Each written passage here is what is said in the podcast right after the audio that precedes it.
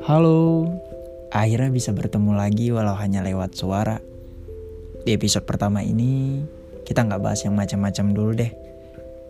Kayak bahas patah hatimu yang berkepanjangan, bahas mantan yang udah bahagia, ataupun bahas tentang kamu yang udah dibuat nyaman, tapi ternyata cuma teman. ya, kita nggak akan bahas itu dulu kok. Karena sekarang saya cuma ingin kita kenalan aja. Orang bilang tak kenal maka tak sayang. Jadi saya simpulkan kalau kita harus kenalan dulu sebelum bisa lanjut ke episode-episode yang berikutnya. Tapi kalau nggak mau kenalan, ya udah kita taruh aja. Saya Revini Kaputra, selamat datang di podcast Penghujung Cerita.